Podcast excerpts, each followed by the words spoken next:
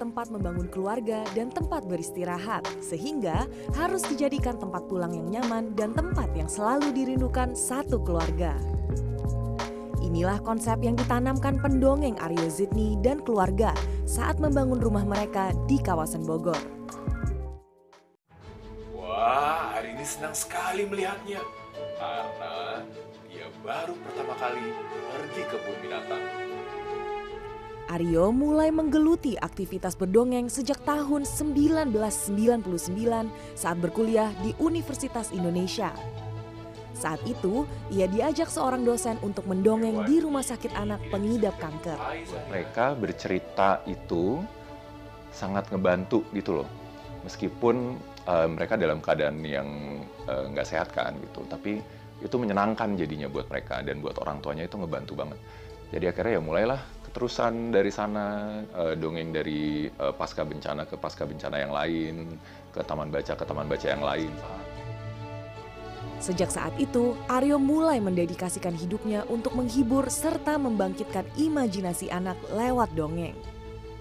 Oleh sebab itu, pengetahuan luas Aryo tentang beragam cerita dongeng dunia menjadi inspirasi saat ia mulai membangun rumah idamannya.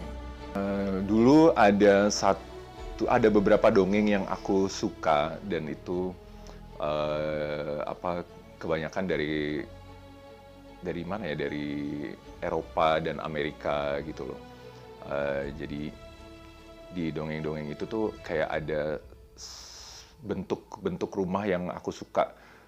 Pagar putih kemudian dari depan tuh kayak uh, rumah tua gitu loh Nah kebetulan ketemunya rumah tua, terus ya udah kita bongkar pagernya, nggak usah tinggi tinggi, kita kasih uh, apa uh, pagar putih kayu gitu.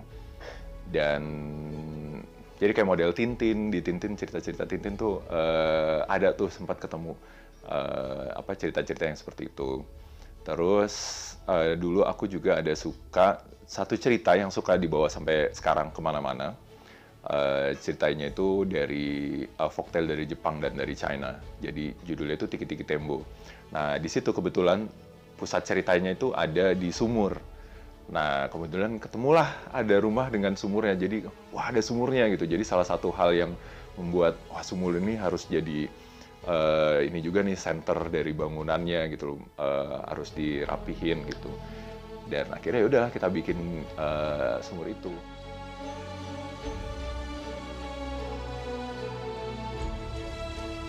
Aryo tinggal bersama istri dan anak di rumah dengan luas lahan 240 meter persegi dan luas bangunan 150 meter persegi.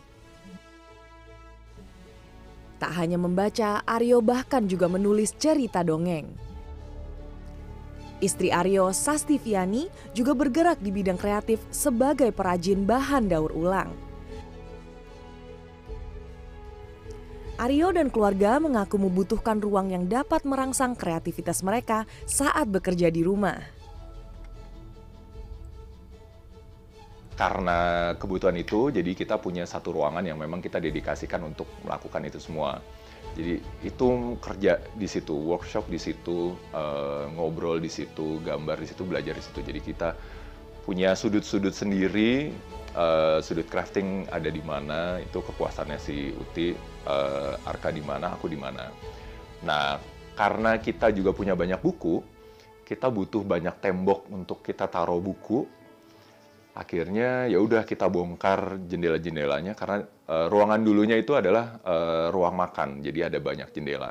Nah kita bongkar jendela-jendelanya itu kemudian kita bikin satu jendela yang kebetulan memang terinspirasi juga sama uh, ceritanya dari J.R.R. Tolkien itu. Uh, kita suka banget sama itu kan uh, uh, seriesnya Lord of the Ring.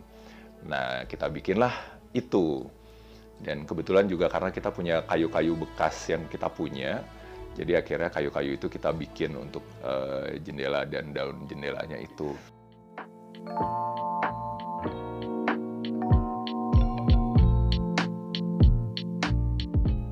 Aryo dan Sastiviani mengisi rumah mereka dengan beragam furnitur yang didaur naik atau upcycle. Uh, jadi pas ngebangun rumah ini sebenarnya kita memaksimalkan apa yang kita punya. Jadi sedikit sekali hal-hal yang uh, beli gitu. Jadi kalau kita bisa bikin kenapa enggak? Dan aku juga crafter, jadi uh, semangat DIY itu membara gitu. Uh, jadi barang-barang yang kita punya dulu kan ini rumah tua dan kita bongkar gitu. Terus uh, jendela, pintu dan lain sebagainya gitu. Itu ya kita manfaatin lagi gitu. Gimana caranya kita manfaatin lagi. Terus kayak uh, tralis juga kita manfaatin buat tanaman di taman gitu-gitu aja sih terus kita punya uh, apa rak buku yang ya biasalah kotak-kotak gitu di rumah lama akhirnya gimana caranya itu bisa disesuaikan sama desain kita yang baru.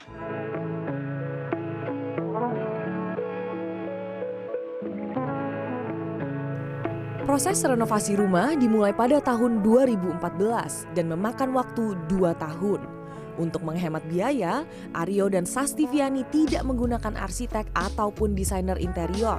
Mereka menggunakan jasa tukang kayu untuk membantu merombak rumah.